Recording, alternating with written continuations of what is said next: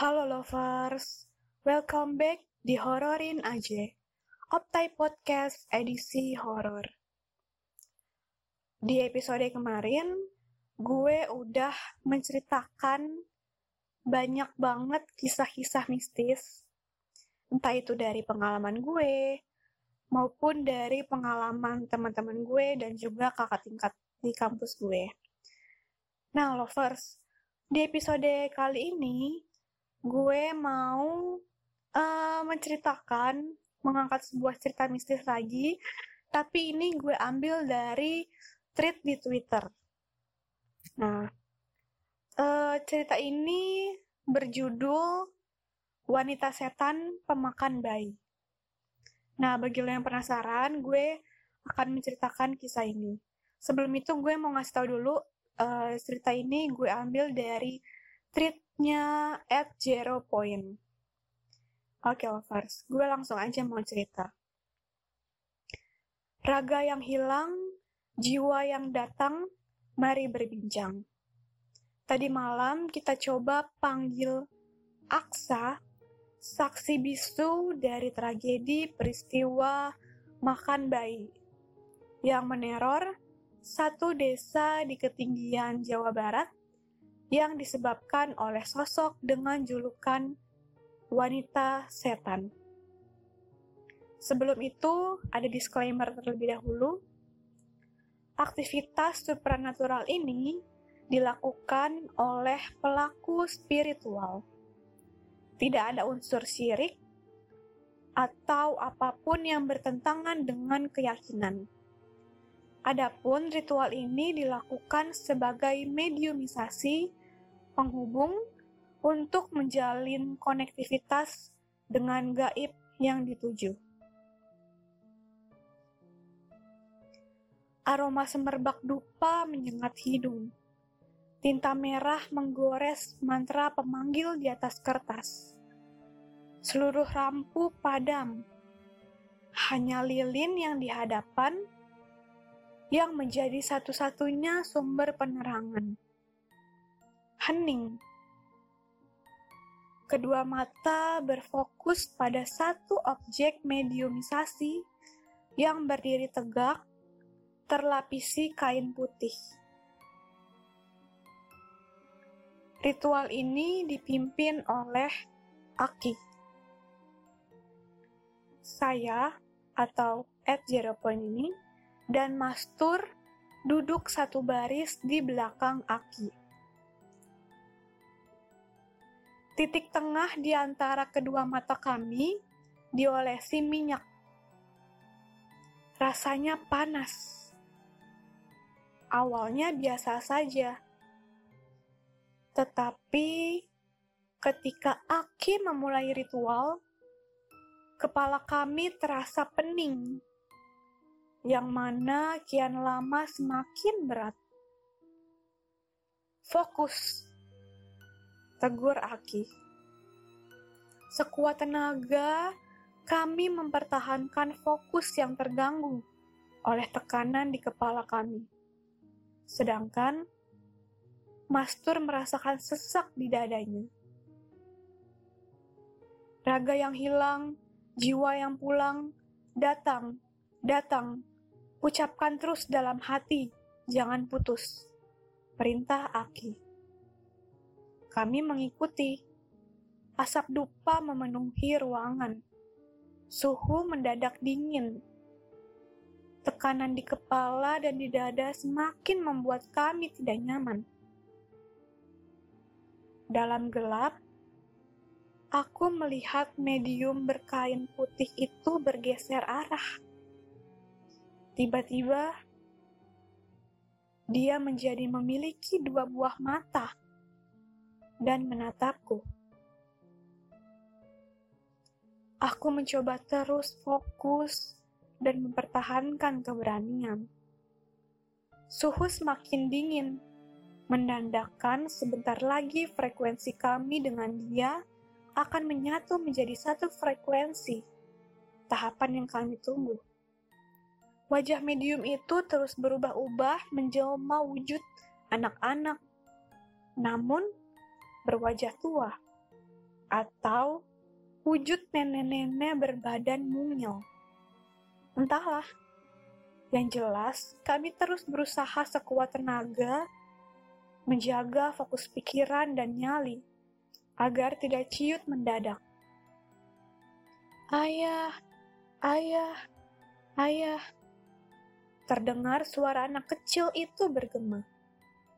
Suara itu terus memanggil berulang. Sekujur tubuhku merinding. Bulu kudukku meremang. Sosok yang dipanggil datang. Dialah Aksa. Saksi bisu dari peristiwa puluhan tahun silam tentang wanita setan yang meneror warga di salah satu desa di ketinggian Jawa Barat. Konon, katanya sosok wanita setan itu memakan ari-ari bayi yang baru lahir, yang menyebabkan anak tersebut meninggal mendadak Sosoknya melegenda dan menjadi sosok yang menakutkan bagi setiap ibu hamil di desa tersebut, bahkan sampai sekarang. Aksa adalah kodam berwujud anak-anak yang merupakan saksi bisu. Bahkan, dia salah satu yang berperan dalam upaya menghentikan teror wanita setan tersebut kala itu. Kamu berhasil atau gagal menghentikan dia? Tanya Aki pada Aksa. Gagal, jawab Aksa. Aksa memberikan vision penggambaran peristiwa kala itu pada Aki. Di sebuah desa yang berada di kaki gunung, yang didominasi oleh rumah-rumah semi permanen, hampir setiap pintu mereka digantungi bawang putih, karena dipercaya dapat melindungi mereka dari kehadiran roh jahat. Wanita setan balik lagi. Dia makan anak lagi. Seorang anak, seorang warga berteriak panik membawa obor. Lari telanjang kaki entah menuju ke mana. Aki menyusul namun tak terkejar. Aksa membawa Aki ke suatu tempat yang mana merupakan deretan kuburan basah yang diketahui didominasi oleh jasad bayi.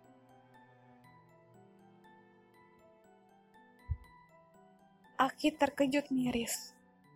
Siapa yang menyebabkan ini semua? Aksa hening sejenak. Aki sudah dibawa ke tempat berbeda di pelataran rumah warga.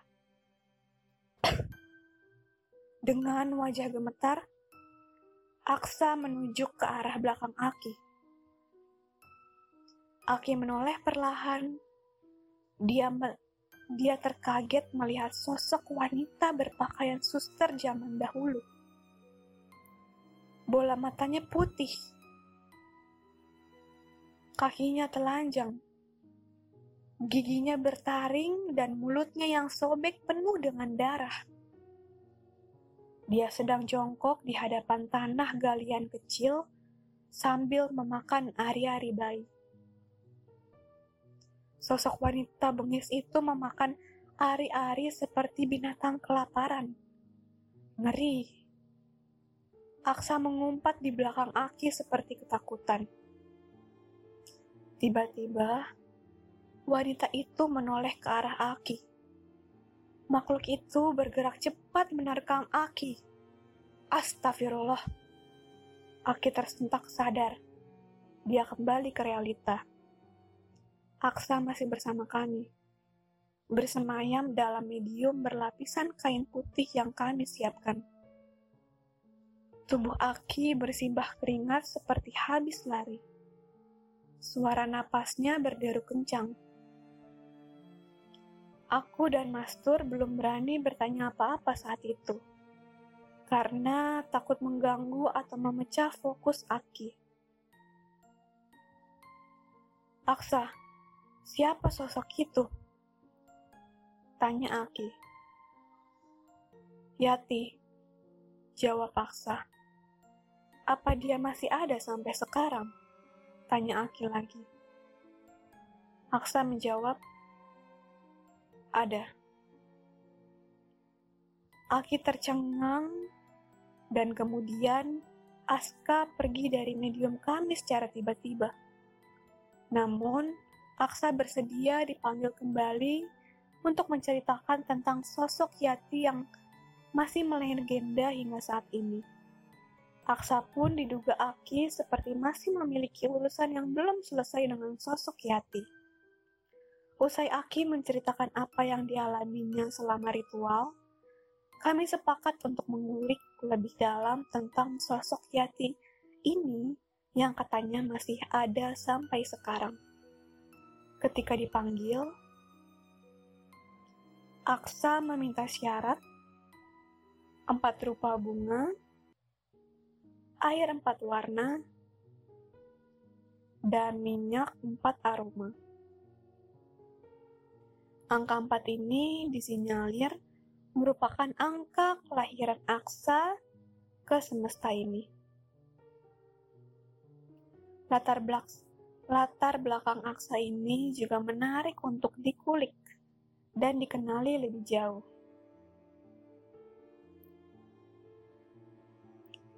Treat kali ini selesai sampai di sini, tetapi lovers pembahasan tentang Aksa dan Yati masih belum tuntas.